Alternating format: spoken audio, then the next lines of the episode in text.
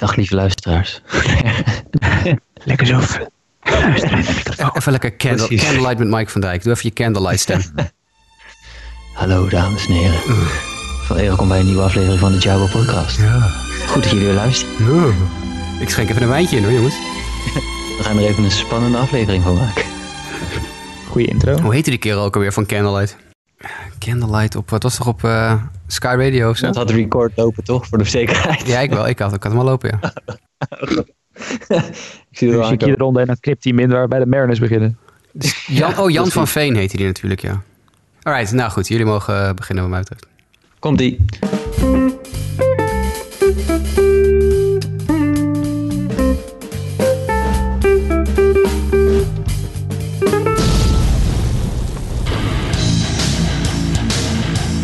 Ja, hallo en welkom bij een nieuwe aflevering alweer van de Just a Bit Outside podcast. De enige echte MLB podcast van Sport Amerika. En vandaag gaan we door met preview op het nieuwe seizoen. Ook al weten we natuurlijk door de zeer ongewone omstandigheden en ook de onzeker natuurlijk waarin wij allemaal zitten. Niet wanneer het MLB-seizoen en of het ook ooit echt zal gaan beginnen. Maar goed, om ook jullie als luisteraar eh, deze thuiswerkdagen door te helpen, gaan we dus toch vandaag vooruitblikken op die American League. En dat doe ik, Justin Kevenaar, samen met Jasper Roos. Ook lekker in isolement. Ja, ja, ja, allemaal denk ik. Hè? Sander Grasman, jij ook? Zeker. En Mike van Dijk. Ook aanwezig. En eigenlijk doen wij met deze podcast al jaren aan social distancing bij het opnemen. Is wel waar, Ja. ja, inderdaad. We hebben ons er altijd goed aan gehouden, ja. ja vandaar dat we nu ook denken, ik denk dat we bijna nooit zo dicht ook op eh, de vorige aflevering hebben gepodcast. Want ja, eh, we zitten toch allemaal thuis, dus nu is de Ja. tijd er ook voor. Vervelen ons helemaal. Het is eh, de graftyfus. Dus eh, Ja, ja, moeten hierna maar bedenken waar we nog meer dan over, over, over kunnen podcasten in de tussentijd. Maar goed, laten we het over honkbal hebben voor zover dat kan. Voordat we naar de American League eh, toe gaan, Jasper. Nou goed, we hebben het net eh, voor deze podcast al uitgebreid natuurlijk over het coronavirus. Maar ook binnen de MLB eh, speelt het natuurlijk wel degelijk, hè, zoals het in heel de wereld een rol speelt. Ook in de majors een rol, want ja, één team is ook daadwerkelijk getroffen door het virus. Hè? voor zover wij weten op dit moment, ja. Dat, het is natuurlijk altijd een beetje de vraag als je niet test. En als je leest dat eh, symptomen soms niet eh, zich tonen terwijl je wel gewoon ziek bent. eh, weten we op dit moment van twee gevallen uit het Yankees minor league systeem. Twee jongens uit het Yankee minor league systeem die positief getest zijn op corona. Die hebben zich alleen opgehouden in het minor league gedeelte van het spring training complex. Dus de, de kans dat er een Yankee major league speler getroffen wordt door het virus is op dit moment vrij klein. Maar het is toch, ja, het zijn toch twee jongens uit hetzelfde, uit dezelfde clubhuis die gepakt zijn. eh, Dus, eh, of gepakt, die, bij wie het aangetroffen is. Dus eh, het is wel even iets om in de gaten te houden. Ik denk dat de Yankees er ook wel bovenop zitten hoor.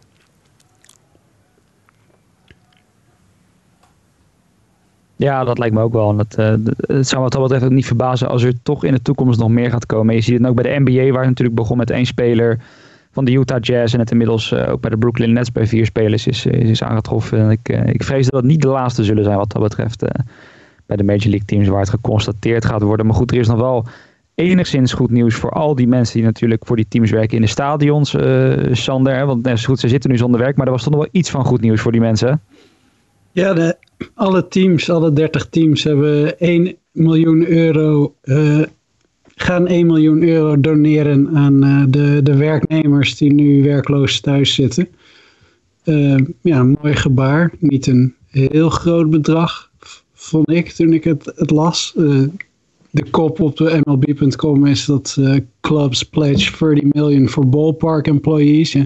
Als je het bij elkaar optelt is het een eh, mooi bedrag, maar je hebt er nog geen jaar Mike Trout voor.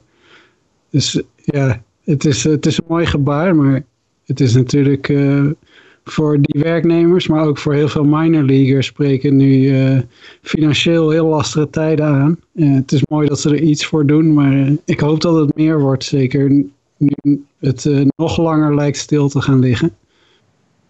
Het zou een mooi gebaar zijn.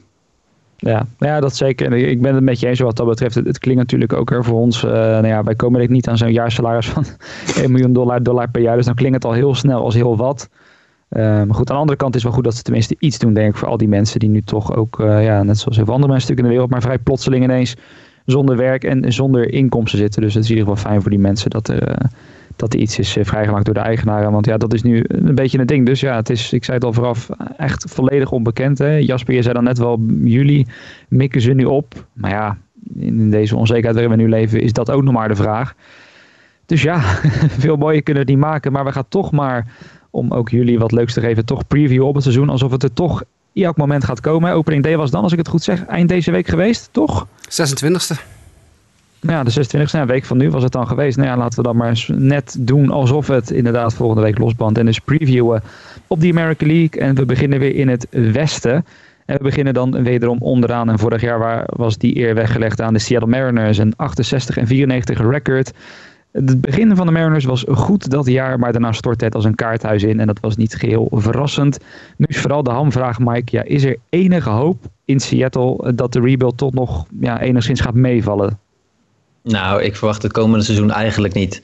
Weet je, de Mariners hebben best wel veel uh, spelers die eigenlijk een positieve bijdrage kunnen leveren op het veld inmiddels van de hand gedaan. Uh, ja, daar is eigenlijk te weinig eh, binnengehaald, ook qua versterking en dergelijke, om echt een stap uh, naar voren te, te zetten. Maar er zijn wel wat spelers in aantocht, waarvan er best wel wat verwachtingen zijn. neem, en nu ga ik toch even een vraag stellen. Het is Jared Kelenic. Kelenic. Kelenic. Kelenic. Wat bijvoorbeeld een groot talent is, uh, wat eraan zit te komen, die uh, via een van de trades verkregen is. Uh, Julio Rodriguez ook. Ja, vooral in springtraining ging het over, over die twee spelers. En, en ook nog outfielders als Kyle Lewis en, en Jake Fraley, die wel in principe het, het opening day roster zouden maken. ja, daar, daar ging het dan vooral over. En ja, die jongens moeten zich de komende jaren gaan ontwikkelen. Uh, om, uh, om de Mariners in, in beter vaarwater te gaan brengen. Maar op dit moment uh, is, het nog, is het nog niet veel hoopvol voor, voor wat er in Seattle is. en waar ook op zich wel positieve verhalen over gingen tijdens spring training was, was Yusai Kikuchi. Die vorig jaar een moeilijk debuutseizoen heeft doorgemaakt. Ook wat privéomstandigheden heeft gehad die, die niet helemaal meezaten. maar dit jaar bij spring training had hij ook wel een iets snellere fastball. Waardoor men in ieder geval dacht van hey, wellicht dat hij aankomend seizoen een stap de goede richting in gaat maken. Uh, als je dan kijkt naar de andere namen die ze zijn gecontracteerd voor de rotatie, naast uh, Marco Gonzalez en, en Justin Sheffield, ja, dan kom je bij Kendall Graveman en uh, Taiwan Walker. Dat zijn twee jongens die terugkomen van een Tommy John surgery. Ik weet niet of je daar het woord durable achter zou zetten, maar als dat dus twee der, twee, of is het bijna 50% van je bullpen is, van je bullpen, van je starting rotation is, ja, dan, dan ga je denk ik gewoon een moeilijk seizoen tegemoet.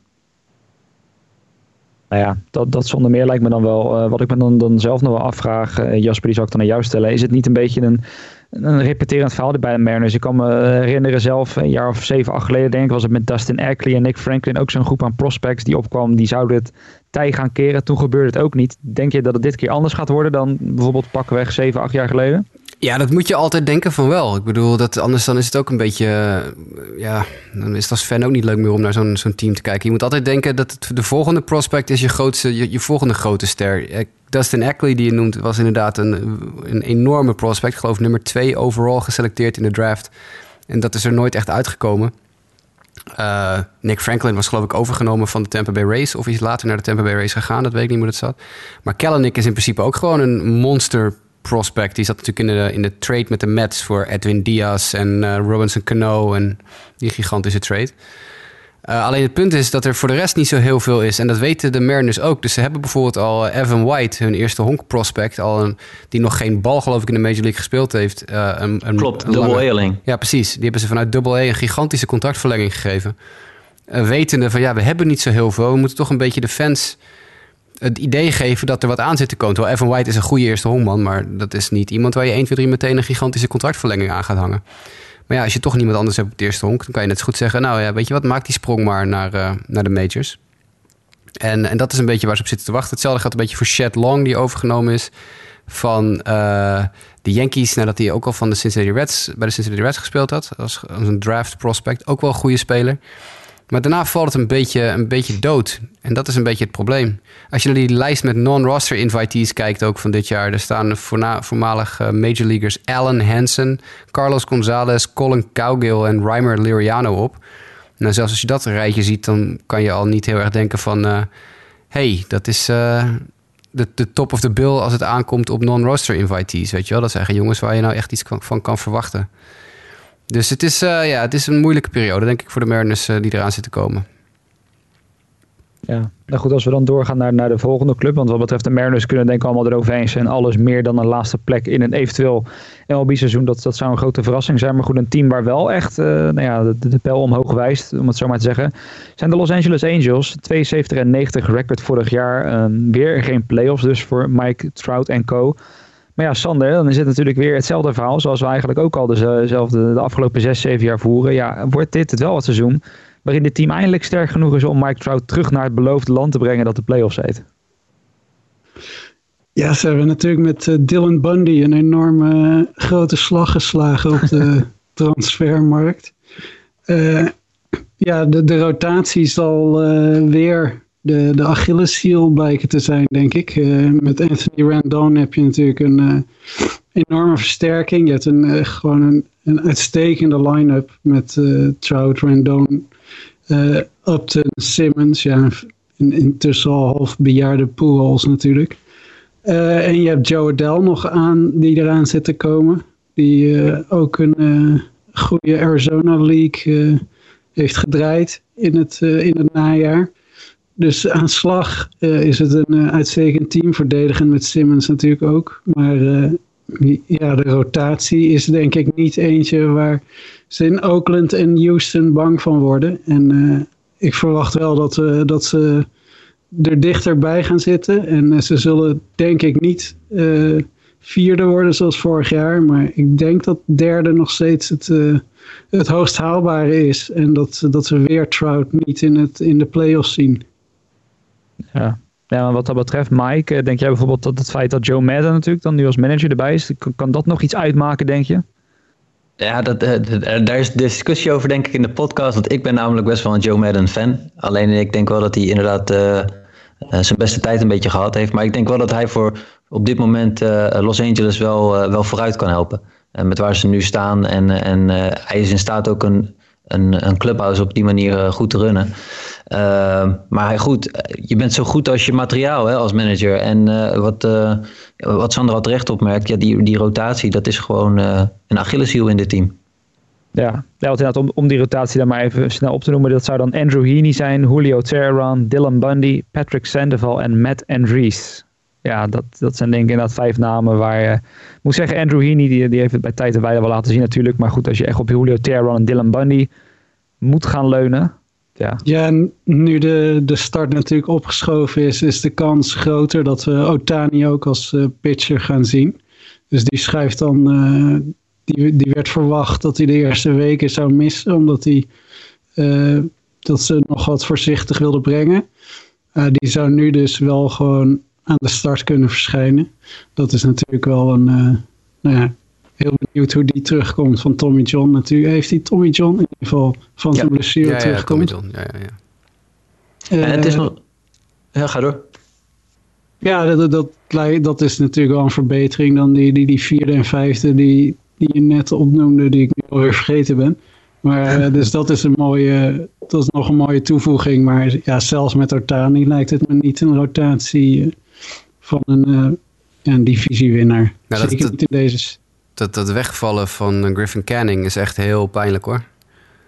Precies. Die, uh, die natuurlijk uh, echt een, nou ja, de ace zou moeten zijn, of misschien de nummer twee. En als je die vervolgens kwijtraakt aan een, uh, nou ja, aan een, aan een elleboogprobleem, wat er wel serieus uitziet, ja, dan. dat, is, dat is problematisch. Ik probeerde even Bundy zijn spring training stats te vinden, maar ik kan ze niet vinden. dat heeft hij misschien niet gegooid tijdens spring training. Hmm. Zullen we ondertussen even een muziekje voor jou uh, instarten hiervoor? Oh, wacht, ik zat in het verkeerde jaar. Dat is, ja, dan gaat het inderdaad niet lukken, nee. Dan gaat het inderdaad niet lukken, nee. ja, nee, dat zie je, dat dacht ik al. Dat was heel goed. Hij had 11 innings gegooid, 16 strikeouts, één keer vier wijd. Kijk. Oh. Dus die was echt, dat, het stond me iets van bij. We hadden het over Bunny. Iemand zei, Bunny is, moet je niet te veel van verwachten. Maar als spring training een indicatie was van het, het aanboren van het talent... wat Bundy altijd wel toegeschreven werd... dan was dit natuurlijk wel een, eh, een, een dingetje even. Want 11.1 innings en, uh, en één walk en 16 strikeouts... dat is echt een, uh, serieuze, een serieus feestje wat je dan aan het bouwen bent met jezelf. Ja, dus, uh, hij komt natuurlijk toch van het werperskerk, of wat Baltimore heet natuurlijk. Ik bedoel, daar is de afgelopen tien jaar geen enkele werper zo'n beetje succesvol nee, doorgebroken. dat klopt. Dat is de laatste die daar een beetje succesvol is geweest, was Eric Bedard, geloof ik. Die uh, uiteindelijk ook nog bij de Mariners uh, een tijdje heeft gezeten. Ja, nee, Dylan Bundy was ik altijd een super prospect. En ik denk dat de Angels gewoon een beetje een buy low hebben geprobeerd. En dat blijkt tot nu toe redelijk te... Misschien zagen... Soms heb je dat wel eens, hè? Dan zijn er van die spelers waar dan een bepaalde organisatie ziet iets. Die hebben hem geanalyseerd en die zien iets en die willen hem... Die willen iets gaan proberen. En dat hebben ze in dit geval met Bundy. Nou ja, als spring training een indicatie is, uh, is dat heel goed gelukt. Oh. Nou goed, ja, wat, wat dan zeggen? We gaan het zien hoe ver het ze gaat brengen. Misschien die derde plek dus. Die derde plek was vorig jaar in ieder geval wel toegegrepen. Die was aan de Texas Rangers toebesteed. Misschien iets wat verrassend. 78 en 84 record. Uh, in bijna alle statistische categorieën een beetje de middenmoot van de majors. Maar uh, ja, Jasper, wel als je naar dit team kijkt, een beetje met de San Francisco Giants van de American League, zeg maar. Het, het is een beetje bejaardensoos, hè, als je eerst kijkt naar dit team. Ja, ik geloof ook helemaal niet in deze Texas Rangers. Er is best wel wat hype rondom dit, uh, dit, uh, dit gezelschap. Met het idee nieuw stadion. De Rangers willen indruk maken. Ze hebben natuurlijk een dikke vette trade gedaan voor Corey Kluber. Ze hebben de rest van hun rotation sterren van vorig jaar, Mike Miner en Lance Lynn, nog langer aan zich gebonden. Uh, ze hebben Kyle Gibson van de, van de Twins weggeplukt. Ze hebben Jordan Lyles van Milwaukee weggehaald. En dan gaan allemaal mensen ja, dit, ze, ze, gaan ervoor, ze gaan ervoor. En dan kijk je inderdaad naar die ploeg. En dan heb je daar een Sin Shu Chu met zijn 38 jaar. En Elvis Andrews met zijn 32 jaar. En Todd Frazier op 3 met 34 jaar. En Robinson Chirinos achter de plaat met zijn 36 jaar. En dan denk ik, ja, weet je, dat is dan gelijk weer helemaal niks. Positief, Willie Calhoun, die natuurlijk zijn gezicht gebroken heeft. Maar goed, het feit dat het seizoen uitgesteld is, betekent wel dat uh, Willie ook weer op tijd terug zal zijn voor het begin van het seizoen. Joey Gallo, natuurlijk ook weer fit. Hopen dat hij weer net zo goed het eerste stuk van het jaar heeft als vorig jaar. En dan hopelijk de rest ook nog. Maar voor de rest, uh, ja, Roeknet Odor, moeten we daar nou uh, heel veel op loslaten. Ze zijn natuurlijk Nomar Mazzara al kwijtgeraakt. Die hebben ze weggetrade aan de White Sox voor prospect Steel Walker. Nou, die is, niet, die is niet Major League ready nog. En dan zitten er van die jongens bij die vorig jaar het wel aardig gedaan hebben. Als Ronald Guzman en Danny Santana. Maar ja, goed, dat zijn natuurlijk niet spelers waar je de boel op gaat laten draaien. Ik zou Nick Solek in de basis hebben gezet. Maar ja, die staat zit op de bank. Kortom, nee. Ik heb de Texas Rangers als, uh, ik geloof, nummer 4 in deze divisie voorspeld. Uh, en dat is natuurlijk niet... Uh, nee, dat gaat hem niet worden. Nee. En wat, wat Sander zouden we dit dan echt een team kunnen noemen dat misschien tegen beter weten in dus nog een soort van push probeert te maken. Getuigen die Kluber trade waar Jasper het net over heeft. Ja, ik, denk dat ze, ja, ze hebben vorig jaar beter gepresteerd dan wie dan ook verwacht had. Ik denk dat ze een beetje op, ja, op die verwachtingen uh, door willen, nou, op die, die prestaties door willen borduren. Terwijl ja, ik denk dat ze daar gewoon over gepresteerd hebben. En ik denk dat ze minder goed zijn dan hun prestaties van vorig jaar lieten zien. Ik ben uh, geen fan van spelers zoals Odor en Andrus en, en Frazier op drie. Het, is, uh, nee, ik zie, ik zie hen absoluut geen uh, uitdaging vormen voor de, de Angels. laat staan de Ace en de, en de Astros. Dit is gewoon ik denk, ze zitten veel dichter bij de Mariners dan bij die drie, denk ik.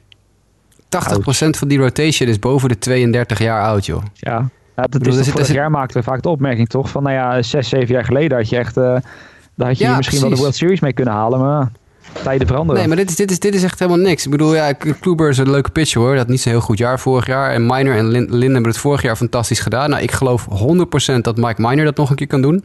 Ik geloof 40% dat Lance Lynn dat nog een keer kan doen. Uh, want Mike Miner is gewoon een veel betere pitcher dan Lynn. Uh, en dan krijg je Kyle Gibson erbij. Nou, die had ook wel een aardig seizoen. Maar die had ook gewoon, ik bedoel, dat, is niet een, een ace of zo, weet je wel. Dus dit is, dit is aan alle kanten niet een team waar ik heel gelukkig voor word. Alleen Sam Huff, dat is een catcher in de minor league. Die, uh, als die ooit zijn, zijn, zijn debuut gaat maken dit jaar, dan dat is wel echt een goede slagman. Maar voor de rest is meh. meh. Maar als ik dan toch een positieve noot heb, het, het onvoorspelbare bij dit team dit seizoen is denk ik ook het stadion. We weten nog niet hoe het stadion gaat spelen. Nee. En dat, dat kan klopt, toevallig in het voordeel kant... zijn van het team. Ik, in principe is het een beetje hetzelfde stadion als wat het oude was. Dus ik verwacht geen ja, wonder. maar je, dan zit je ook vaak met, met stadions van... oké, okay, wat zijn de dimensies? Hoe diep is het? Hoe ver staat het hek allemaal? En hier zit, er zit geen... op Gallo na zit hier geen één home run hitter in dit team. Nee, nee, dat klopt. Nee, maar ik bedoel vooral richting de pitchers, zeg maar. Nou, voor de pitchers. Ja, dat zou kunnen. Ja. ja. Ja. Maar goed, dan door naar een team waar we denk ik allemaal een stuk meer gecharmeerd van zijn. En wat toch wel een beetje onder denk, de honkbal-hipsters, uh, ja, terwijl een beetje de darling aan het worden is. De Oakland Athletics, vorig jaar 97 en 65 en maar 10 wedstrijden uiteindelijk achter de Houston Astros. Uiteindelijk stranden ze natuurlijk wel in de wildcard game. Maar toch, uh, kijken naar de team Sander. Veel mensen die zullen misschien denken, we worden ze niet onderschat. Maar we kunnen toch denk ik wel gewoon stellen dat we hier met een heel goed team te maken hebben. Ja, als, uh, als Oakland is voor de hipsters, dan ben ik zeker een hipster. Want ik ben uh, een groot fan van deze selectie. Ik hoop stiekem dat ze de Astros van de eerste plaats weten te stoten dit jaar. Met Matt Chapman en Matt Olsen heb je natuurlijk de twee Mets aan de op de hoeken staan. Geweldige fielders en ook nog hartstikke goed aan slag. Uh, de Loriano die uh, vanuit het outfield een fantastische arm heeft. ja, dat is ook, zorgt altijd ook wel voor wat highlights. En ze hebben Jesus Luzardo en Menea. Hebben ze twee goede pitchers die ze vorig jaar door blessureleed lang moesten missen. die zijn nu fit. kunnen als het goed is fit aan het seizoen beginnen. Koppel die aan Mike Fires. En ja, als je bedenkt dat het grootste deel van vorig seizoen speelden zonder die spelers. En dat wordt, nou ja, zoals het er nu naar uitziet, is die uh, Luzardo daar, ja, dat, wat ik daarvan zie, is dat zo'n fantastische werper. Het zou niks verbazen als die snel de tweede man wordt. Ja, als, die, als je gewoon een 1 en nummer 2 erbij krijgt, ja, dan gaan zij denk ik meer dan 100 wedstrijden winnen dit jaar. Ja. Ik denk het ook. Ik heb, ze, ik heb ze zelfs als winnaar van de divisie, eh, Sander. Ja. ja, we hebben, wij hebben als, jij en Mike en ik hebben geloof ik onze voorspelling al ingevuld op Sport Amerika. En ik eh, vond het leuk om te horen dat jij zo enthousiast over ze bent. Maar je hebt ze niet de, eh, de divisies laten winnen. Ik laat ze gewoon lekker de Astros inpakken. Lekker, lekker boeien. Is vooral de hoop die dan spreekt, denk je? Nou ja, jawel. Maar aan de andere kant denk ik ook dat de Astros niet zo goed zijn als vorig jaar. Dat die, nou ja, goed, er wordt niet gespeeld, dus we kunnen daar niet zo over zeggen. Maar ik denk dat die eh, onder enige druk uh, toch wel zouden lijden van de, het constante gejoel en het constante kritiek die er op die club en, en de, het vergrootglas dat er boven zou hangen. Ik denk dat die zo 5, 6, 7, 8, 9, misschien wel 10 wedstrijden minder winnen dan vorig jaar. En dit is een athletics team dat vrijwel ongewijzigd aan de start verschijnt ten opzichte van vorig jaar. Sterker nog, alleen maar beter is geworden. Precies om wat Sander zegt, namelijk met de Jesus Lozardo erbij, die nu uh, weer fit is. En een fitte Manaya. En voor de rest is die hele line-up zo ongeveer hetzelfde. Je hebt alleen een nieuwe tweede honkman in Tony Camp, eventueel. Uh, waar je natuurlijk ook nog uh, gewoon prospect, ex-prospect Franklin Barretto neer kunt zetten. Of Chad Pinder of zo. Dus dan heb je helemaal... die vind ik iets beter dan Tony Camp, maar oké. Ehm, ja, gewoon precies hetzelfde team. Dus waarom zou dit team niet minstens net zoveel wedstrijden winnen als vorig jaar? Zo niet meer, dankzij de terugkomst van Luzardo en, en Manaya. Nou, haal de trekker uh, vijf wedstrijden af bij de Astros en tel er vijf wedstrijden bij op bij de A's. En je, bent er al, die staat er gelijk. Ja, is en natuurlijk Frankie Montas ook terug natuurlijk. Vorig jaar lang geschorst geweest na een goed begin. Dus ik bedoel, dit team is eigenlijk alleen maar sterker geworden. Dus ik zie niet in waarom, die, waarom de Astros niet een paar wedstrijden minder zouden winnen en de A's niet een paar meer. Ja, ja en Chris Davis is ook... Uh ongelooflijk constant geweest de hele carrière. Had vorig jaar één minder jaar. Ja, dat is ook... Uh, ja, het zou niet een hele grote verrassing zijn als die weer een stuk beter is dan vorig jaar. En dan heb je daar natuurlijk een geweldige aangewezen slagman aan. Ik verwacht ja, dat Sim... Je, je, je Simeon, ja, eh, ga, ga, ga, ja, ik verwacht dat hij uh, niet zal kunnen herhalen wat hij vorig jaar gedaan heeft. Maar als hij daar in de buurt komt, ook natuurlijk een geweldige korte stop. Ja, Chapman die gaat naar definitieve sterrenstatus doorbreken komend jaar. Dat is natuurlijk al een heel goede, heel goede honkballer, maar die, die, is ook, die is ook pas, hij is nog geen 27 joh. Ja, die heb ik, uh, ik heb nu Trout nog ingevuld als MVP, maar uh, ik heb met Chapman wel in mijn achterhoofd, uh, we hebben volgens mij, nu misschien langer voor onze voorspellingen, maar ik heb in mijn achterhoofd om die toch ja, tegen Trout inzetten, dat, dat, dat is wel heel heel gevaarlijk. Maar, uh... Ik zag dat jij in je stuk ook uh, Luzardo nog als kanshebber voor de Rookie of the Year hebt ingevuld. Ja, dat uh, geeft al aan hoe groot fan ik ben van hem. allemaal, ja, allemaal. je moet toch tegen een paar serieuze namen opboksen ook. Dus. Ja, dus dat... maar ja, ik, wat hij tot nu toe heeft laten zien en wat hij liet zien toen hij terugkwam... hele goede, hele goede pitcher. Ja, nee, dat is toch weer een heel leuk team. Dat hebben ze wat dat betreft in Oakland wel weer eh, goed voor elkaar. Maar goed, we benoemen het net al. ja, willen ze toch hè, bij die vreselijke wildcard game wegblijven, willen ze direct de playoffs in, dan moeten ze, dan kunnen ze en dan ja, moeten ze dus om de Houston Astros heen. Vorig jaar 107 en 55 record. Uiteindelijk stranden ze natuurlijk in Game 7 van de World Series. En achteraf, na alle verhalen die vervolgens naar buiten kwamen, is dat maar goed ook, denk ik zo. Ja, Mike, het wordt jaar 1 na het schandaal. In hoeverre denk jij dat het zijn nawegen gaat hebben op hun prestaties? Ja, nou ja, ik denk dat de andere twee dat net al opmerken. Ik denk dat dit best wel een, eh, een zwaar seizoen wat dat betreft kan worden voor de Houston Astros. Uh, nou moet ik zeggen, het, de omstandigheden uh, zijn op dit geval denk ik een beetje in hun voordeel. Want hoe langer het geleden is dat dit nieuws gebracht is, hoe voordeliger en hoe minder backslashes misschien gaan krijgen op het moment dat we weer gaan honkballen. Maar er zijn toch heel veel fans in andere stadions die ze echt een, uh, een moeilijke tijd gaan geven komend seizoen als ze langs gaan komen. En uh, dat, dat zal ongetwijfeld ook wel een invloed gaan hebben op de, op de prestaties van het team. Ja, nou ja, dan natuurlijk ook hè, Jasper, als we sowieso naar, naar het team zelf kijken. Hè, Garrett Cole natuurlijk, hè, de grote naam die uiteindelijk wegging. in hoeverre gaat dat echt gevoeld worden in die rotation? Nou, dat gaat het zeker. Want ik zit toevallig net even naar de, de, de predicted, de projected rotation te kijken. En daar, is echt, daar word ik echt heel verdrietig van eigenlijk. ik bedoel, Granky, ja, Granky, oké, okay, Granky is Granky, maar die is wel even 36,5. Uh, Jose Urquidi, weten we niet. Aardige pitcher, maar om te zeggen dat is, een, dat is een echte nummer 2, nee. Nou heb je Lance McCullers er nog achter. Oké, we weten niet hoe die terugkomt van zijn blessure.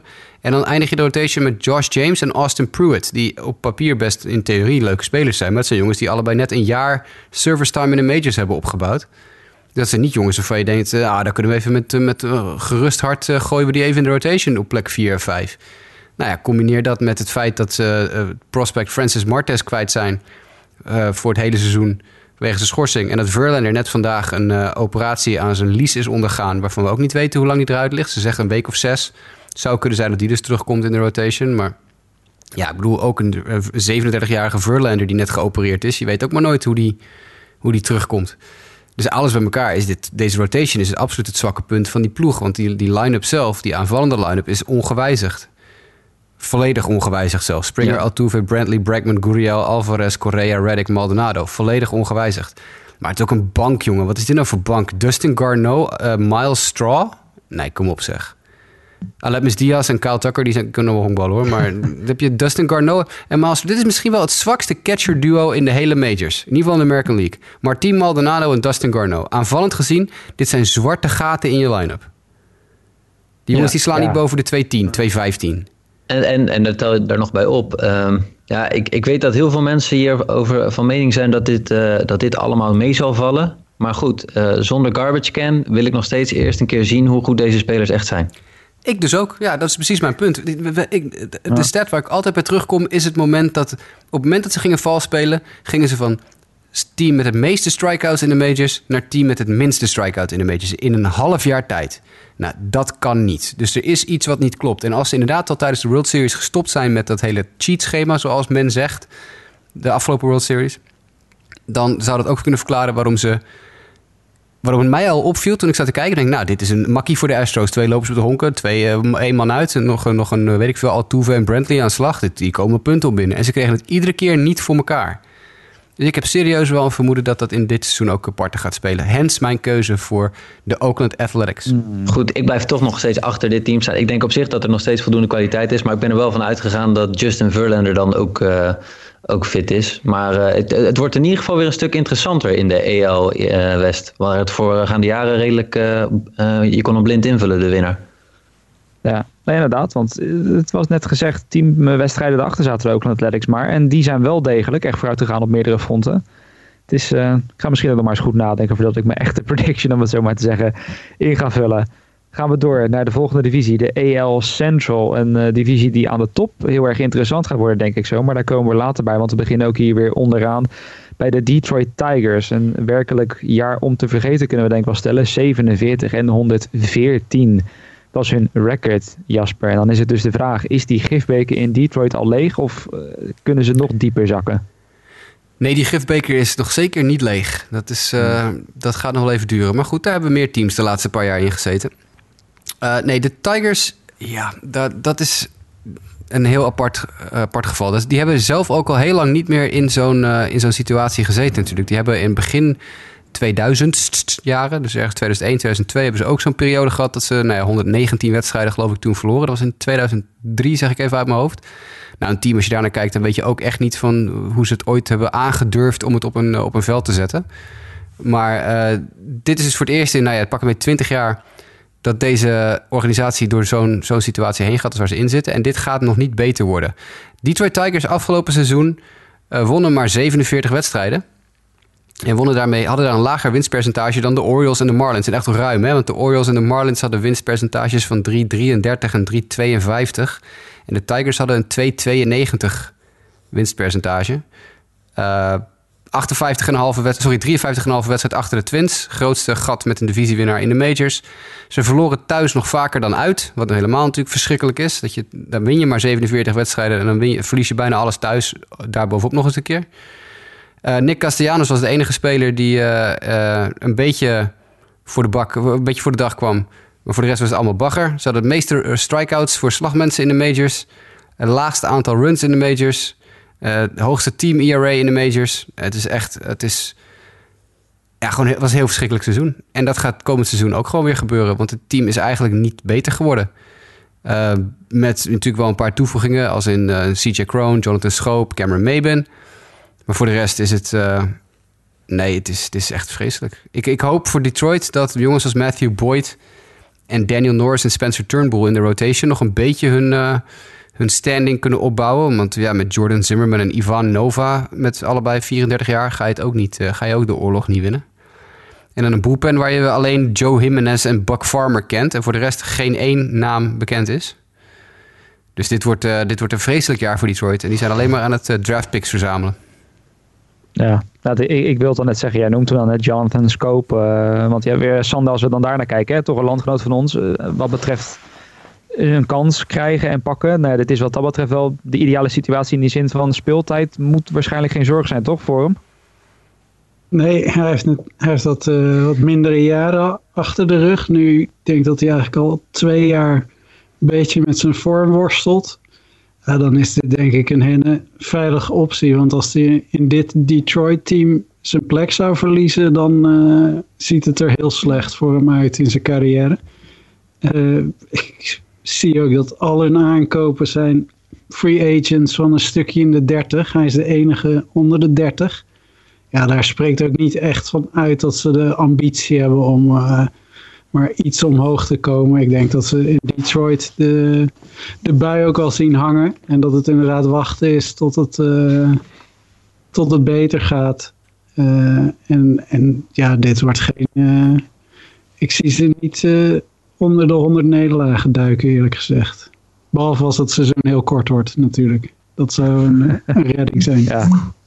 Dat zou dan inderdaad voor de Tigers een redding zijn. Denk een ander team waar je dat ook al van kan zeggen. Dat zijn de, de volgende, de Kansas City Royals. Die, uh, nou goed, het dan wel iets beter deden. 59-103 record vorig jaar. Maar dus het geluk hadden in die zin. Dat de Tigers nog veel slechter waren. Maar ja, Sander, eh, je zegt net, het is dan misschien geluk voor de Tigers als het seizoen wordt ingekort ja, de Royals die zitten wel een beetje in een vergelijkbare situatie, toch? Want ook, ook dit team zit in zijnzelfde fase, toch? Ja, als je, als je wil weten hoe je niet een organisatie moet leiden, is het denk ik uh, kijken naar wat Kansas City na, wat is het, 2015 gedaan heeft om binnen, binnen twee jaar van een, uh, een contender uit te groeien naar een team dat meer dan 100 wedstrijden verliest en geen enkel noemenswaardige prospect heeft. Dus ze komen echt van, van heel ver. En uh, ja, ze krabbelen weer een beetje op. Uh, voor onze Pecota standings. Die had uh, de verwachting dat ze dit jaar voor het eerst volgens mij in drie jaar onder de 100 nederlagen. ze hebben eigenlijk nog best wel een aard... Nou ja, ze hebben een, een niet, niet, niet verschrikkelijk slechte line-up eigenlijk. Met jongens als uh, Field en en Adalberto Monde Mondesi. Uh, ja, Alex Gordon is ook weer verlengd. Nou ja, dat is natuurlijk gewoon een, meubelstuk daar. En uh, ze hebben Salvi Perez is terug. Dat, uh, dat, dat, is sowieso al goed nieuws. Uh, ja, dat, dat zal de, de, Royal fanbase wel, wel blij maken in ja, toch deze moeilijke tijden. En zo Jorge Soler heeft natuurlijk een vorig jaar de Homer King in de American League. 48 homers, zeg ik uit mijn hoofd. Prima designated hitter dus. ja, slagploeg is prima. De pitchers zijn gewoon niet geweldig. Dat is, ja, dat zit allemaal hoog in de era in de 4.7. Dat is een beetje wat je van ze kan verwachten van de meeste. Het schijnt dat Danny Duffy is wel...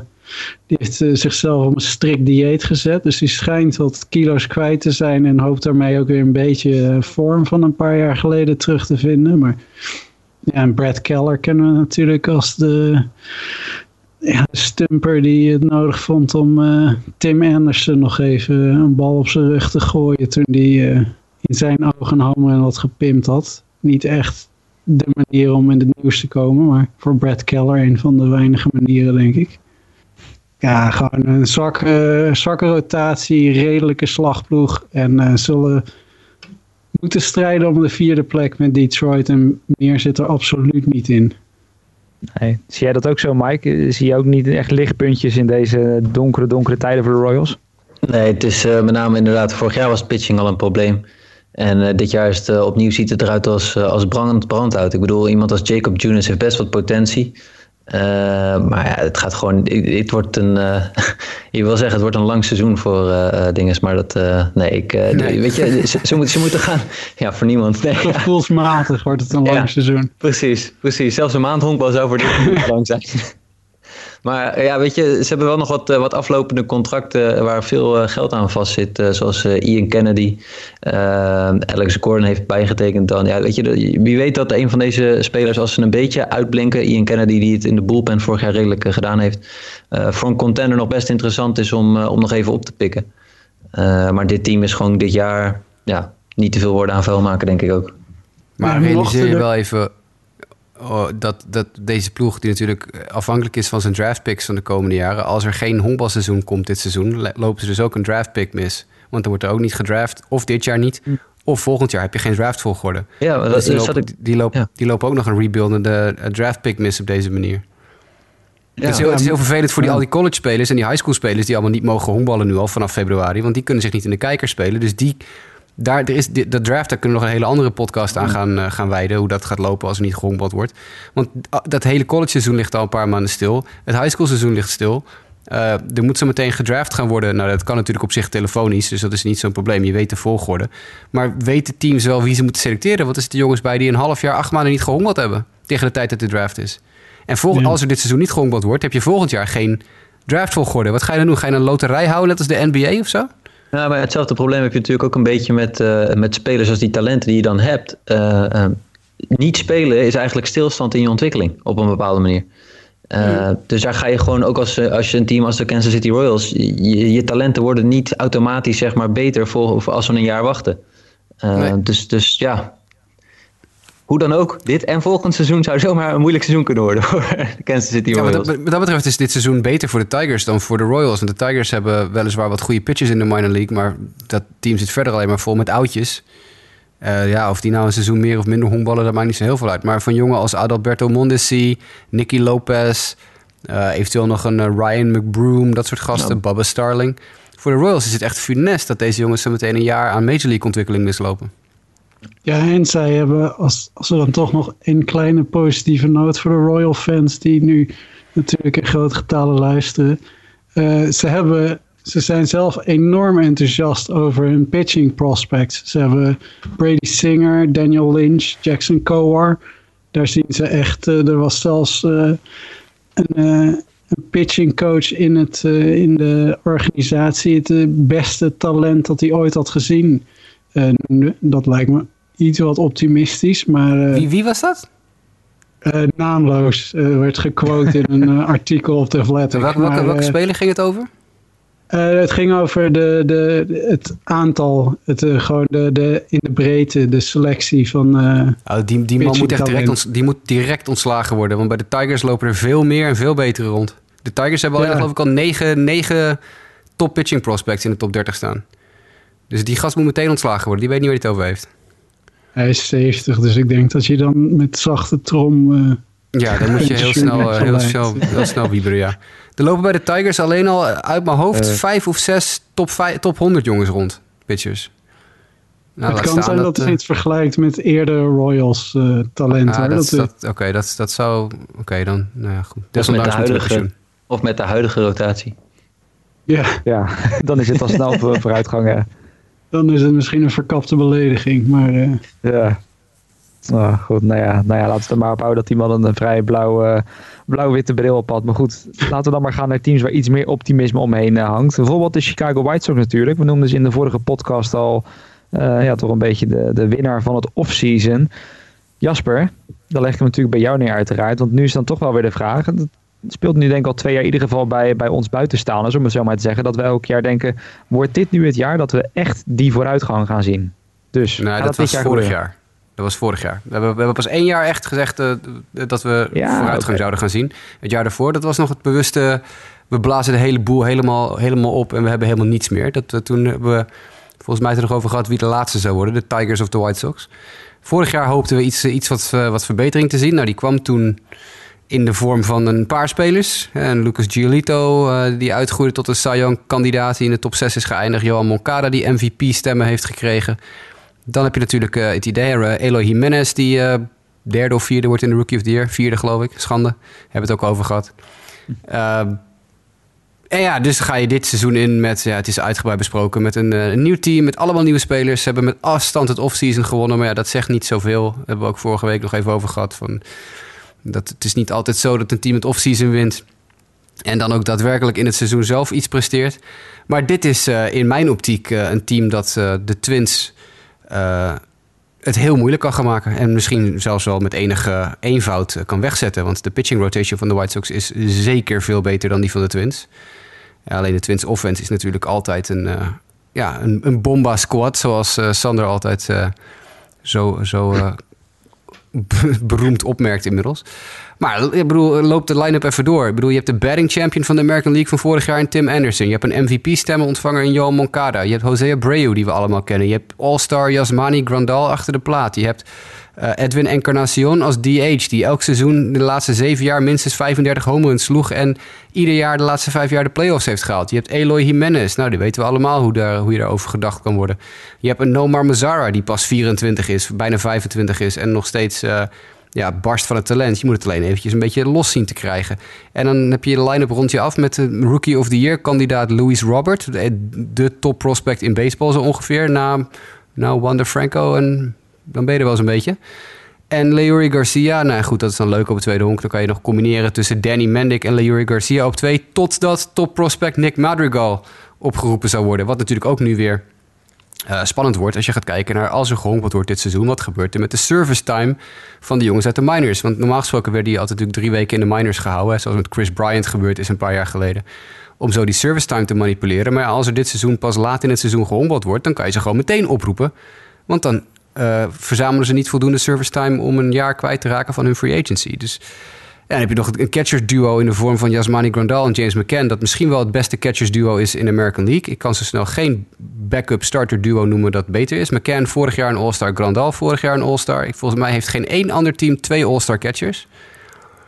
En dan heb je de rotation nog met Giolito, Keuchel, Reynaldo Lopez, Dylan Cease en voorlopig Gio Gonzalez met dan Michael Kopech die eh, in principe ready to go is, maar even op moet warmen in de, in de minors wanneer dat eventueel gehonkbald wordt.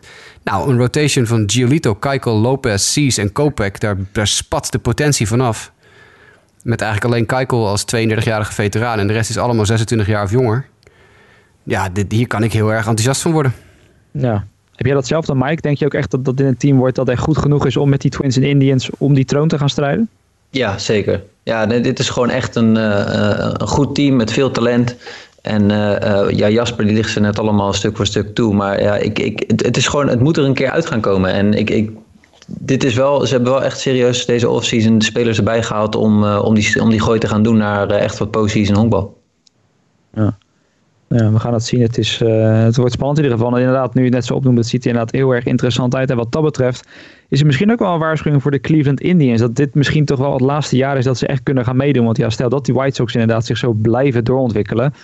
Dan kan het wel eens snel voorbij zijn met de heerschappij van de Indians. Het was natuurlijk afgelopen jaar eigenlijk dat het tot een einde kwam een beetje. Drie jaar achter elkaar wonnen ze de AL Central.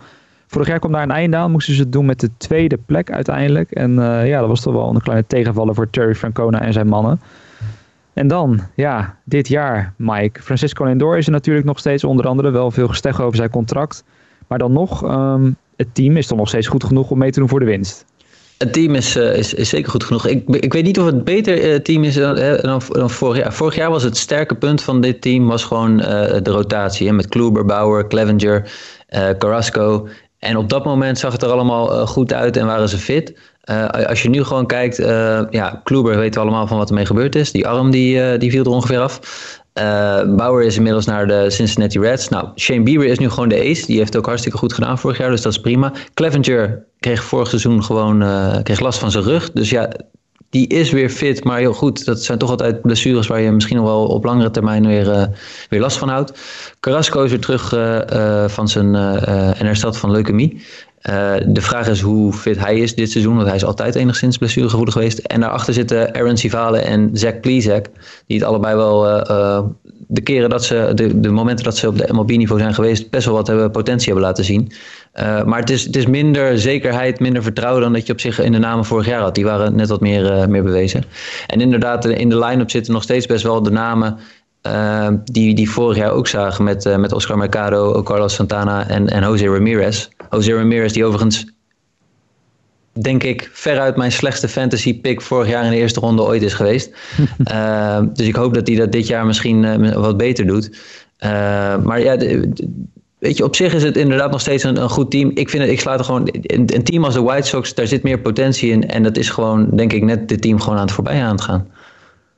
Ja, en is het dan ook zo, want Lindor zijn contract loopt dus af. Hè, ervan uitgaan dat alles even zo loopt als, uh, als het nu allemaal loopt. Zou dan in ieder geval aflopen na 2022, Jasper. Kunnen we daarmee dan ook stellen dat dit misschien wel de laatste kans is om met hè, bijvoorbeeld zo'n Lindor, wat natuurlijk echt een superster is, om met hem die push te maken richting misschien een World Series? Ja, ik denk het wel. Ik denk dat als de boel uh, eruit klettert bij Cleveland uh, halverwege het jaar, zouden we normaal gesproken zeggen. Maar goed, het is altijd heel gek om daar dat soort termen er nu over te hebben. Uh, dan dan uh, kan je ervan uitgaan dat uh, Lindor gewoon mag moven. Dan is het gewoon opruimen en wegwezen. Ik bedoel, hij heeft nog, nog een contract voor één jaar tot en met dit jaar. ik verwacht niet dat de Indians, nou dat weten we zeker, de Indians gaan hem niet verlengen. Nee, probeer het dus al heel lang, hè? Maar en hij ja, wil dus zelf wel, zegt hij de hele tijd. Dus het, het is best wel tekenend ja, dat, dat, iemand de Indians... zeggen. Dat, ik, ik, weet, ik weet het niet Ja. hoor, of hij dat echt... Kijk, hij gaat ook gewoon natuurlijk gewoon uiteindelijk voor het meeste geld. En er staan zat teams in de rij om hem, eh, om hem vast te leggen. En het punt is gewoon voor hem... Ja, we moeten, het hangt ook allemaal af. En dit is... Ja, we, we zitten hier eindeloos heerlijk in de toekomst te lullen. En we hebben geen idee wat er eigenlijk gaat gebeuren. Want voor hetzelfde geld, Klopt. voor hetzelfde geld komt er geen seizoen. En zegt MLB... Alle contracten schuiven een jaar op. Want dit seizoen wordt gewoon letterlijk uit de boeken ik dus net aan verteld gehaald. denken terwijl ik het zei, ja. Ja. En dat betekent dus dat Lindor volgend jaar eigenlijk nog gewoon een heel jaar voor de Indians moet spelen. Terwijl hij eigenlijk volgens de wet alweer free agent zou moeten zijn. Want zijn contract eind van 2020 afloopt. Dus het is allemaal op dit moment, dit soort dingen kunnen we het eigenlijk niet over hebben. Zonder dat we uitsluitsel hebben wat er gaat gebeuren met het seizoen. Wat er gaat gebeuren met, met de wedstrijden die wel of niet gespeeld gaan worden. Telt het als een heel seizoen? Komt er überhaupt een seizoen? Het zijn allemaal dingen die, ja, die in dit soort situaties heel erg belangrijk zijn. Blijft Lindor nog een jaar langer? Blijft hij in 2021 er ook nog? Ja, dan gaan de Indians met ditzelfde team in 2021 het nog een keer proberen. Maar als MLB zegt je moet de contracten eren zoals die getekend zijn, betekent het dus dat we, hè, stel, stel even dat er geen seizoen komt waar ik echt wel serieus eh, eh, over nadenk. Dat betekent dus dat we Lindor voor het laatst in de Indians tenue hebben gezien in de springtraining. Hmm. Ja, ja, het is ja, toch een eh, heel apart. Inderdaad, zo'n situatie. Want terwijl ik het net zei, daar zat ik over na te denken. En wat dat betreft ben ik benieuwd hoe ze dat eventueel aan gaan pakken. Vooral als er helemaal geen seizoen eh, zou gaan komen. Dus dat, eh, nou ja, dat allemaal gaat lopen, dat horen we allemaal in de toekomst. Wat in ieder geval wel vaststaat, is dat deze divisie, dat de titelverdedigers, de Minnesota Twins zijn. Niet wat verrassend toch wel vorig jaar, hè? de Bomba Squad, zoals San het inderdaad in zijn stuk destijds noemde. Met maar liefst 101 wins wonnen ze overtuigend de divisie. Tot echt succes in postseason leidde het uiteindelijk niet. Uh, maar goed, nu toch met de Indians die nog steeds formidabel sterk zijn. De White Sox die eraan komen. Uh, ja, Sander, ze zullen toch wel de hete adem in de nek voelen, denk ik. Uh, ja, en ze, de, de rol is natuurlijk ook anders. Ze zijn nu de verdedigende, de regerend kampioen. Dat vorig jaar hadden ze erg weinig druk en konden ze fijn de achtervolgingen inzetten op, Cleveland. Ze hebben natuurlijk een fantastische line-up met Max Kepler, Polanco, Nelson Cruz die de 40 aantikt binnenkort. Maar ja, er lijkt nog geen sleet op te zitten. Josh Donaldson is overgekomen van Atlanta. Ja, dat, dat, ze hebben eigenlijk ze zijn Jonathan Schoop kwijtgeraakt en eh, CJ Kwon, maar met uh, Donaldson lijken ze niet per se homens hebben ingeleverd. Al is uh, de tweede man Luis Arias nog niet echt bekend om zijn, om zijn homer en capaciteiten. Maar ja, ze hebben gewoon nog steeds een, een hele goede line-up. hopen dat een keer Byron Buxton een heel seizoen fit kan blijven. Sano begon vorig jaar gebaseerd. Uh, zou nu fit aan het seizoen kunnen beginnen. Voor zolang die dat blijft natuurlijk. Maar uh, geweldige line-up. Maar de rotatie, dat blijft gewoon het probleem. Ze hebben in Barry als een prima ace. Die is ook nog hartstikke jong. maar als Jake Odorizzi je, je tweede man is. Ja, prima, prima pitcher. Maar ja, het is niet, uh, niet het niveau wat bijvoorbeeld een, een team als uh, Tampa heeft. Of uh, nee, de Yankees. Gewoon, er zijn rotaties die gewoon veel betere nummers 1 en 2 hebben. En, en daarachter, ze hebben hele solide oudere pitchers gehaald met Maeda en Bailey. En ja, en Hill is natuurlijk overgekomen, maar die is nog uh, gebaseerd. Ja, die misschien wel fit aan het seizoen beginnen. Maar ja, die, die is al in de 40 en uh, komt uh, terug van de blessure. Altijd maar kijken wat dat, uh, wat dat voor gevolgen heeft. En Michael Pineda zit een schorsing uit. Ik neem aan dat, dat die nog blijft staan. Maar ja, dat is ook allemaal afwachten of daar misschien ook nog een verrekening mee is. Ja, rotatie is gewoon minder ja, ze zullen het lastig krijgen met, uh, met de White Sox. Uh, ik zou ze niet per se zeggen dat ze winnen, maar het blijft natuurlijk gewoon een fantastische line-up en een uh, heel goed team. Ja, wat kan je dan nog wel stellen, Jasper? Want we hebben het dan nu dus achtervolgens over de White Sox, Indians, Twins. Allemaal teams die hun sterke en zwakke punten hebben. Zijn de Twins dan voor jou nog wel de favoriet en de team to beat in deze divisie? Of ligt dat nu dan toch anders, denk je, met bijvoorbeeld nee, die zwakke rotation? Je, je kan in deze divisie niet van hun favoriet spreken. Want er hangt te veel af van kleine dingetjes als blessures en zo. Op papier zijn de White Sox en Twins de twee beste teams in deze divisie. Uh, de Indians uh, zitten te veel gaten in. Daar, dat, dat, die, gaan wel, die gaan wel meedoen hoor. Die gaan echt niet zo ver naar beneden vallen dat je denkt het is Royals of Tigers territorium.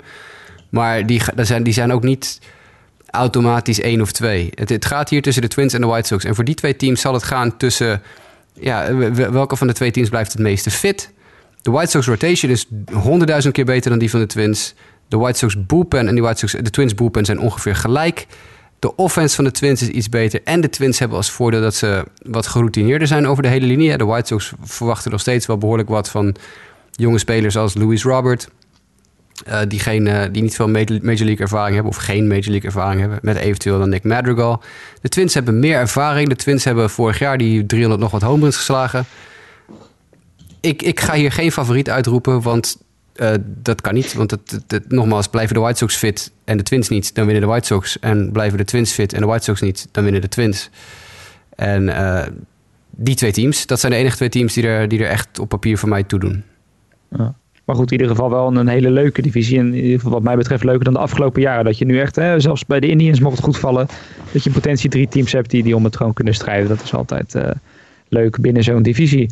Gaan we door naar de laatste divisie, de AL East. En dan gaan we nog één keer echt de, de krochten en de kelder van de Major Leagues induiken. Beginnen we namelijk met de Baltimore Orioles. Vorig jaar 54 overwinningen, 108 nederlagen.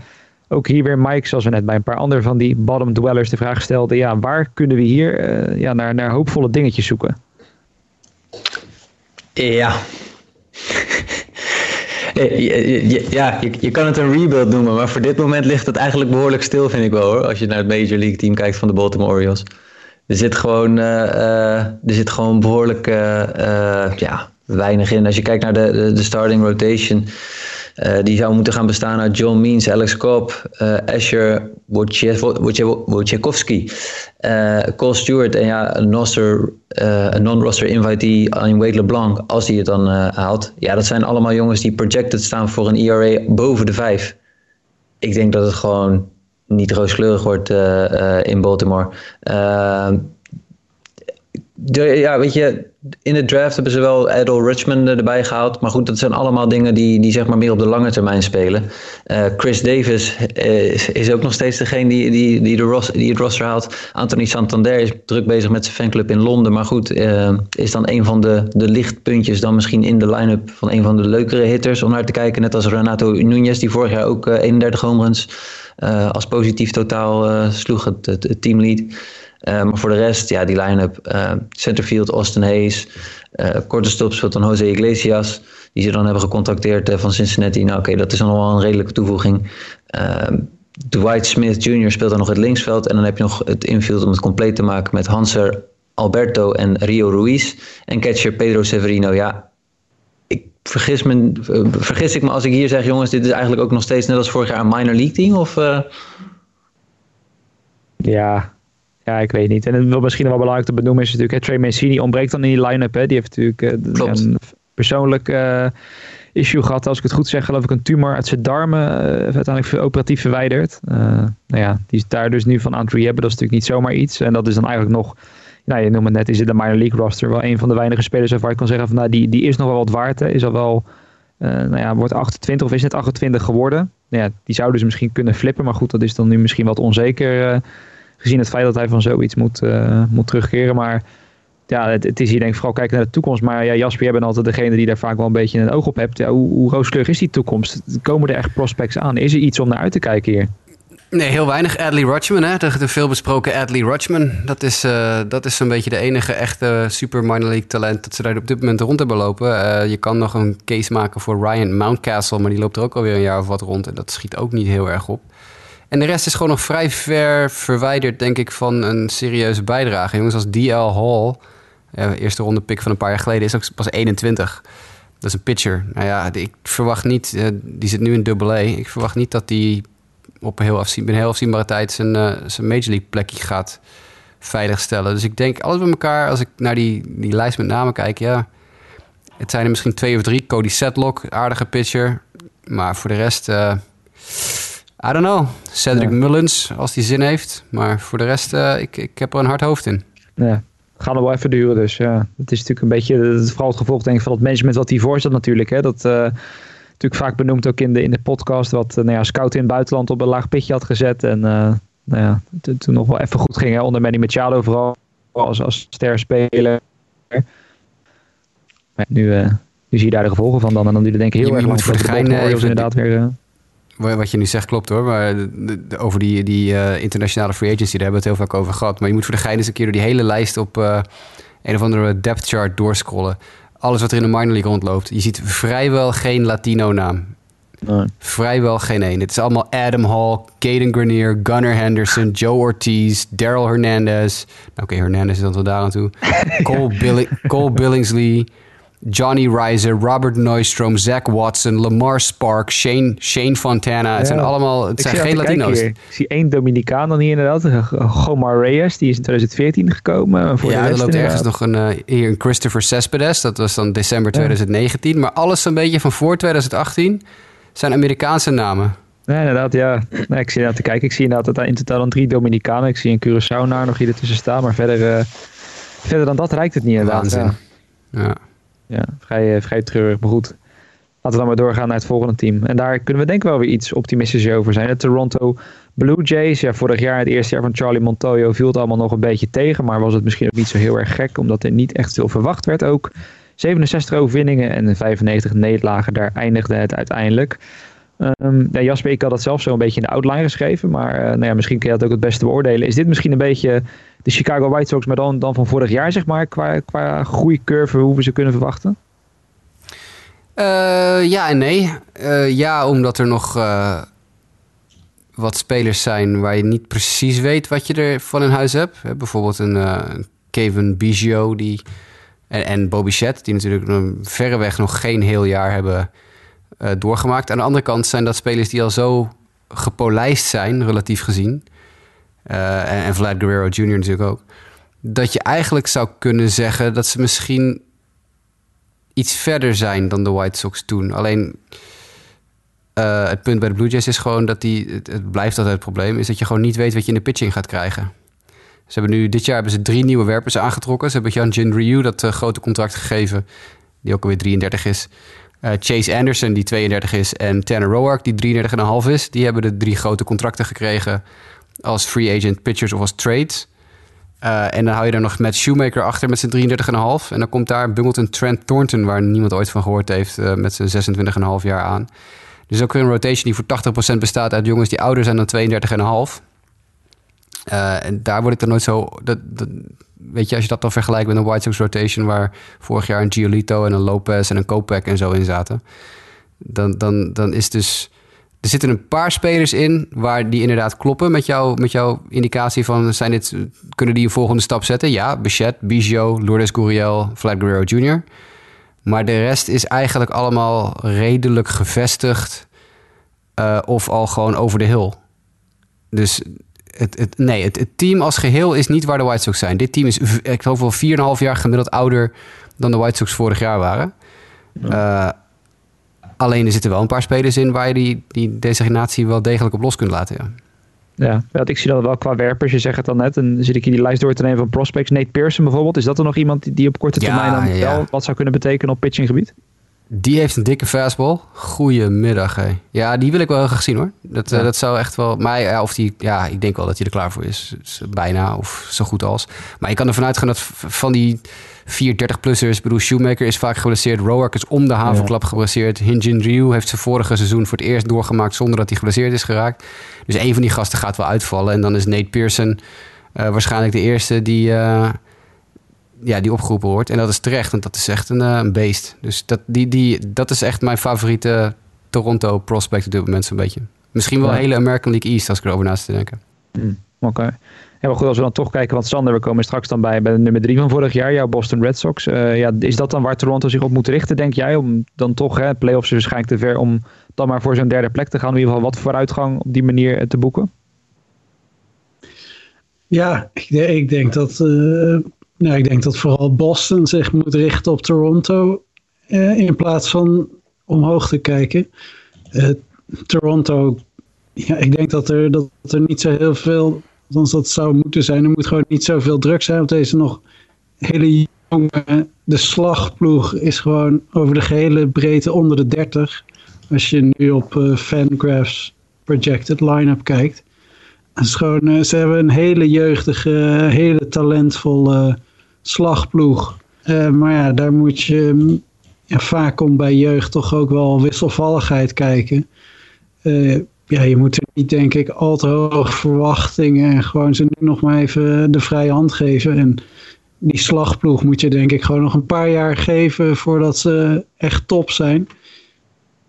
En ja, deze, deze rotatie is denk ik niet zo dat je, dat je nu voor het hoogste moet gaan. Wat je misschien met zoveel talent in de slagploeg wel op termijn moet gaan doen. Maar ik denk dat ze wat dat betreft nog wel een paar jaar verwijderd zijn van echt uh, contention. Dus ik denk dat ze misschien uh, Chicago twee jaar geleden dan.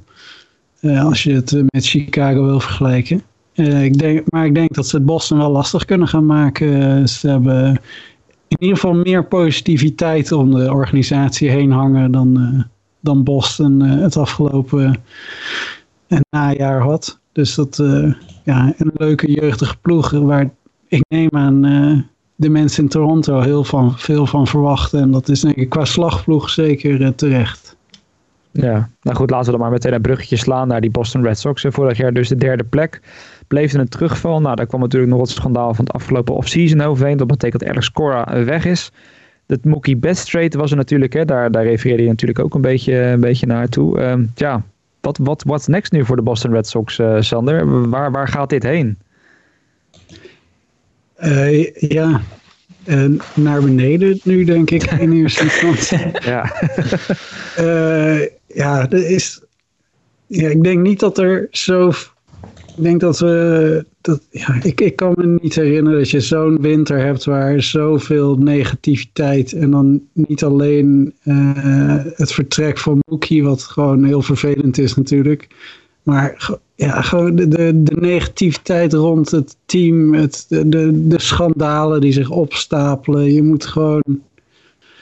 Het is gewoon, gewoon een uh, vervelende tijd. En die, dat hangt om die hele organisatie nu een beetje heen. En ja, je zou willen dat dat doorbroken wordt met iets positiefs. Maar er is echt gewoon niks positiefs te melden. Als je dan ook nog ziet dat Sale niet fit aan het seizoen begint. En ja, de rotatie is echt geen flauw idee wat ze daarmee gaan doen. Er worden openers gesuggereerd. Er worden, ja, wat, je moet hopen dat Eovaldi fit is. Je moet hopen dat Sale fit is. Nou, dat, die verwachting is er wat Sale betreft niet. Ze was er niet als je weet niet, wanneer ze nu beginnen.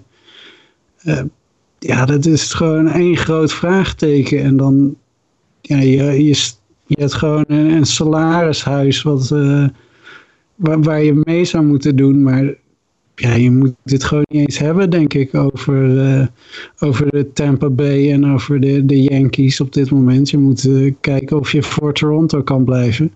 De slagploeg is natuurlijk nog steeds al gewoon goed. Devers is een jong uh, en had een uitstekend seizoen vorig jaar. Bogaerts had een uitstekend seizoen. En, maar je hebt geen prospects die eraan zitten te komen. Het is nu Devers en dan is het een tijd niks. Van Bobby Dalbeck ga je ook niet veel beter worden. Michael Che weet je niet eens welke positie die gaat spelen. Drie wordt door Devers bemand. twee heeft hij redelijk gedaan. En ja, Pedroia is altijd geblesseerd. Dus die gaat ook nu nog wel niet terugkomen. Maar ja, echt een fantastische tweede hongman is het niet. Het is geen geweldige eerste hongman. Ja, en dat is dan je, je, je prospect die er nog het dichtst tegenaan zit. Ja, het is gewoon, uh, ik weet niet of je hoopt op een positief verhaal, maar uh, het is, uh, ja, de verwacht, ik denk plek drie of vier. Ja, nee, ik, ik, weet niet of Mike nog iets positiefs wilde toevoegen. Om toch nog een beetje, ook alle Red Sox fans die luisteren, nog, nog een beetje ja, glimlach op gezichten toveren. Nee, ik wilde eigenlijk nog steeds zeggen van ik heb nog niks gehoord over de schorsing die mogelijk aanstaande is. Maar dat is niet echt iets positiefs eraan bijdragen, toch? Uh, nee. Uh, ja, die, uh, ik heb geen idee wanneer dat. het is een beetje stil eromheen volgens mij. Ik heb, volgens mij is het nog steeds wachten op, op een definitieve uitspraak wat daar mee gaat gebeuren. Maar dat kan inderdaad ook nogal voor de toekomst vervelende gevolgen hebben. Ja, maar goed, waarbij die, waarbij die natuurlijk ook nog steeds de vraag kan stellen of die Yankees daar ook geen uh, last van gaan krijgen. Maar goed, met Cora weg uh, lijken ze tot nu toe uh, buiten schot te blijven. Nou ja, dit is wel zo'n team ook wat dan weer een voordeel heeft bij hoe later we beginnen, hoe beter het is voor mensen als Chris Hill. Ja, ik denk dat Boston ja. is niet, ja, niet rouwig om een uitstel van de start van het seizoen, denk ik. En als er een hele streep door het hele seizoen kan. Dat, uh, ja, ik had liever de hele winter ook meegepakt, maar uh, die zullen we nog wel even meedragen. ja, als, als, je dan nog iets positiefs... Ik, ik zie het nog wel in Benintendi zitten. Ik heb, ik heb de hoop dat die uh, een beetje op, op niveau terugkeert. dat is gewoon een, een prima speler natuurlijk ook. Maar en, en blijft... ja, ik kijk graag naar Bogaerts geweldig speler. Maar uh, terughalen, word je ook niet heel blij van.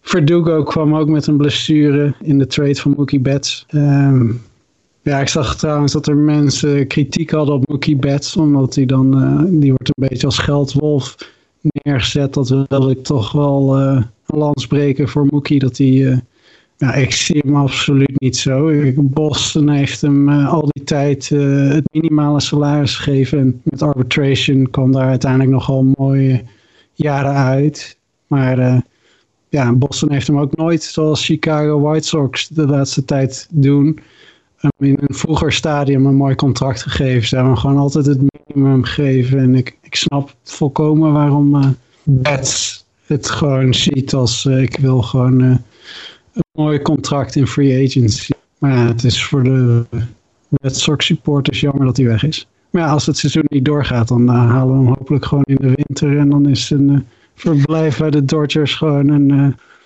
ja, op papier geweest.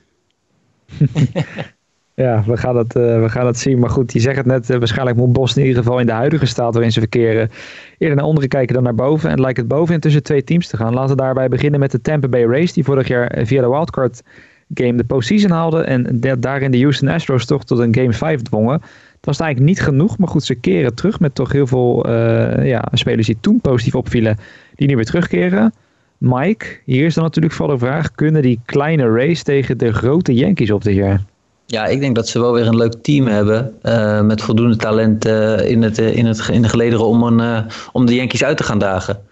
Ze hebben in ieder geval wel Tommy Pham verloren aan, aan, aan, San Diego. Maar goed, ze hebben er ook weer twee outfielders met, van San Diego voor teruggekregen. Namelijk Hunter Renfro en Emmanuel Margot.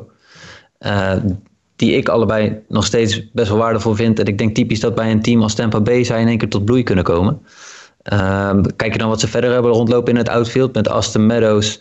En ook nog Kevin Kiermaier. Ja, dat zit op zich wel, wel goed, denk ik. Uh, het sterke punt van dit team vorig jaar was, geloof het of niet, maar de starting pitching. Hè. Ze deden natuurlijk ook af en toe een opener er tussendoor, maar met uh, Charlie Morton bleek snel voor een deel van het seizoen. Uh, Tyler Glasnow, Chorinos, Yarbrough, maar toen ook nog Steenek en dergelijke. Ja, wisten ze gewoon echt wel een top 5 rotatie uh, statistisch gezien neer te zetten. En ook dit jaar zijn die namen terug. En bovendien zijn er denk ik ook nog wat namen bijgekomen. Ehm, die daar nog wel een positieve bijdrage aan kunnen gaan geven. Zoals bijvoorbeeld Brandon McKay. Zeg ik dan, ben ik dan te vroeg, Jasper, of niet? Nee hoor, Brandon McKay, die zit er al tegenaan. Zeker. Ja, ja, dus bijvoorbeeld een, eh, een Brandon McKay. Uh, volgens mij is Anthony Benda ook weer, uh, weer fit. Dus ja, ik, ze, ze vinden een manier in, in, in Tampa. En ik denk ook dat, dat met het huidige team het moet gaan lukken. een speler die om een beetje is om in de gaten te houden is Yoshitomo Tsutsugo. Dan mis je eigenlijk Lionel voor normaal gesproken het, het Japanse onderdeel om te zeggen hoe goed uh, Yosh, Yoshimo, uh, Yoshitomo is. maar ik weet niet of je, in, in, mijn tijd, in mijn vakantie in Japan heb ik hem niet gezien. Jasper, denk jij dat, dat er hier een, een, een, goede speler in hebben gehaald? Ja, ik denk het wel. Ik, ik weet nog dat ik met Lionel ten tijde van die, die aankoop even over Tsuko gehad heb. het is een grote, grote speler. Zware jongen. Of nou, zware jongen 100 kilo, dat soort figuren. Weet voor, je voor Japanse begrippen? Voor Japanse begrippen is dit gewoon een stevige jongen. 1,83 meter en, en, bijna 100 kilo. Die altijd uh, bij Yokohama heeft gespeeld in, uh, in Japan. En daar toch wel ja, goede, goede dingen heeft laten zien. Sloeg in afgelopen jaar 2018 uh, nog 38 home runs. En in 2016 nog 44 home runs. Dus daar zit wel flink wat power in in die knuppel. En als linkshandige slagman in die line-up die verder redelijk rechtshandig is. Met natuurlijk, uh, ah, ze hebben er wel meer natuurlijk, want ze hebben ook vaste plekken weer voor Brandon Lowe die terugkomt, dat is ook een lefty. En, uh, Choi en Meadows en Tomo en Tsutsugo en Kiermaier. Wel goede, goede lefty erbij. Ja, ik vind het wel een goede aankoop, slimme aankoop. Veel power en die hadden ze wel nodig. Ja. ja. Ik denk op de, Aziatische, op de Aziatische markt zullen ze dan denk ik wel goed doen met nou ja, een beetje de Zuid-Koreaanse versie van hem dan met Jiman Choi die ze natuurlijk al hebben. Tsutsugo erbij. Ja shirtjes verkopen. Precies. ja, toch nog ergens die inkomsten vandaan halen. Hè? Want, uh, ja, naar het stadion komt er niemand. Nee. nee, dat, blijft, dat, dat blijft het probleem inderdaad. Maar goed, waar, zeg maar, als we dan vergelijken tot met de Yankees, waar ze het waarschijnlijk tegenop moeten gaan nemen natuurlijk, hè, Jasper. Denk jij dat het echt reëel is om te verwachten dat dit team naar boven kan eindigen? Of is de wildcard wel echt het hoogst haalbare, denk je? Oh nee, dat is uh, totaal niet realistisch. Nee, ik vind Tampa Bay Rays een heel leuk team. Maar die gaan deze Yankees uh, niet van de eerste plek houden, nee. Dus uh, ja, de wildcard hebben ze een kans. Ik heb ze, geloof ik, ik ga even checken, niet in de wildcard dit jaar. Klopt dat? Ik heb ze, nee, ik heb ze niet in de wildcard dit jaar. Dus zelfs dat wordt nog moeilijk. Want ik denk ook dat er andere teams zijn, zeker in mijn voorspellingen, die uh, meer kans maken op de wildcard dan de race. Ja. Ik bedoel, als je, als je natuurlijk, zoals ik, de Astros niet de divisie laat winnen, dan betekent dat dat ze waarschijnlijk de wildcard pakken. Want daar zijn ze nog wel goed genoeg voor. Dus dan is er wel eentje kwijt. En dan moet je nog uh, kiezen tussen de Rays, White Sox, Twins, Indians of uh, whoever er maar tweede wordt in de Central. Uh, dus dan, dan wordt het te tricky. Dus ze moeten er hard tegenaan voor een, voor een wildcard, wat mij betreft, in, in de American League. tenzij de Astros natuurlijk helemaal instorten, maar dat verwacht ik stiekem ook niet. Zwakke punten zie ik bij de Yankees eigenlijk bijna niet. Ja, gezondheid. Dat is, blijft de laatste jaren altijd het zwakke punt bij de Yankees. Want iedereen is om de havenklap geblesseerd. Maar ik, ja, dit team is te goed. Ja. Nou ja, we laten het daar anders maar meteen op doorgaan. Dat die als laatste meepikken had. De Yankees wonnen vorig jaar dus wel de divisie. Dat was ook wel de nodige personele problemen. Toen kwamen ze er toch eigenlijk heel verrassend en vrij eenvoudig in ieder geval het reguliere seizoen doorheen. Ondanks al die blessures. Uh, ja, nu beginnen ze ook al wel met blessures her en der. Maar toch nog steeds ja, wel de, de beste in deze divisie dan dus. En misschien ook wel de American League of ga ik dan weer te ver? Dat zou heel goed kunnen hoor. Dat, uh, dat hangt er allemaal een beetje vanaf hoe de Astros natuurlijk uit, dat, uh, uit het rampzalige offseason komen. En ik, nee. ja, ik denk niet dat de A's beter zijn dan de Yankees. Hoewel dat dit jaar wel eens een keer echt heel spannend kan worden. Met die uh, nieuwe improved rotation van, van de A's. Maar ja, goed, met Cole erbij natuurlijk bij de Yankees heb je al sowieso meteen de grootste naam te pakken. En dan, dan kan je nog met Tanaka en dan een, een trio Hap, Montgomery en uh, Loaiziga nou ja, dat zijn geen uh, hoogvliegers, maar daar kan je ook niet zo heel veel mee fout doen. Dus alles bij elkaar. Ja, het enige ja, licht zwakke puntje misschien bij de Yankees is de bank. Ze hebben geen goede backup catcher. Kyle Higashoka, uh, Mike Ford. Ben ik niet zo heel erg... Geloof niet zo erg in. Tyler Wade ook niet echt. En Clint Frazier, ja, die moet al lang weg natuurlijk bij de Yankees. Want die wil alleen maar weg. Ja, en dan kom je weer terug bij, bij de blessures en bij de schorsingen. Je, je, je bent nog op dit moment zonder Paxton en zonder Severino. Uh, Paxton die dan een, uh, ik geloof een, een, een, disc in zijn rug uh, recht heeft laten zetten. Nou, dat is op zich hoeft dat niet zo'n... Hoe lang ligt hij eruit? Maand of drie, geloof ik. Nou ja, goed, er wordt toch al niet gehongbad, dus dat maakt niet uit. Severino ben je kwijt en Tommy John, dus die kan je schudden. En dan heeft Domingo Herman nog een schorsing van 81 wedstrijden. Vanwege dopinggebruik. Dat is, dat is het grootste probleem. Dus als je, zodra je die drie weer terug zou hebben... Nou ja, goed, dat gaat voor Severino zeker weten niet gebeuren. En um, Herman ook niet als je het seizoen... qua wedstrijden zo gaat bekijken. Dus dan moet je Paxton snel terugkrijgen en die in de rotation schuiven voor een Hap of een Montgomery van Loaziga. En dan zie ik niet waarom deze starting line-up met LeMahieu, Gardner, Torres, Stanton, Sanchez, Voigt, Andujar en dan eventueel Talkman en uh. Ik zie niet in waarom die niet met vrij veel gemak de American League East zouden moeten kunnen winnen. En daarbij aansluitend ook nog wel een serieuze kans maken om de American League te winnen. Nou, is het dan toch wel weer Sandert? Is het dan misschien een, een beetje een open deur die weer intrappen, maar toch voor de Yankees weer, ondanks dat het al een tijd geleden is, weer echt de World Series or bust, als dus al die mannen die we net noemen echt fit zijn? Ja, als je, ze waren vorig jaar natuurlijk al, als zijn er nu eigenlijk al een paar jaar best wel dichtbij. Je, je kan daar een call aan toevoegen, gewoon de grootste aankoop van het uh, najaar. Dan, ja, je, op papier mag het eigenlijk alleen maar tussen de Dodgers en de Yankees gaan dit jaar. Dus wat dat betreft ook een goed, goede reden om een kruis doorheen te zetten. Maar uh, fantastisch, uh, fantastische uh, ja. ja, fitheid, dat gaat het zijn. Hoe, hoe, hoeveel gebruik kan je maken van Stanton? Hoe, hoe fit is Judge? ja, dat, dat zijn natuurlijk als ze fit zijn, zijn ze fantastisch. Uh, in ieder geval Stanton tijdens het reguliere seizoen.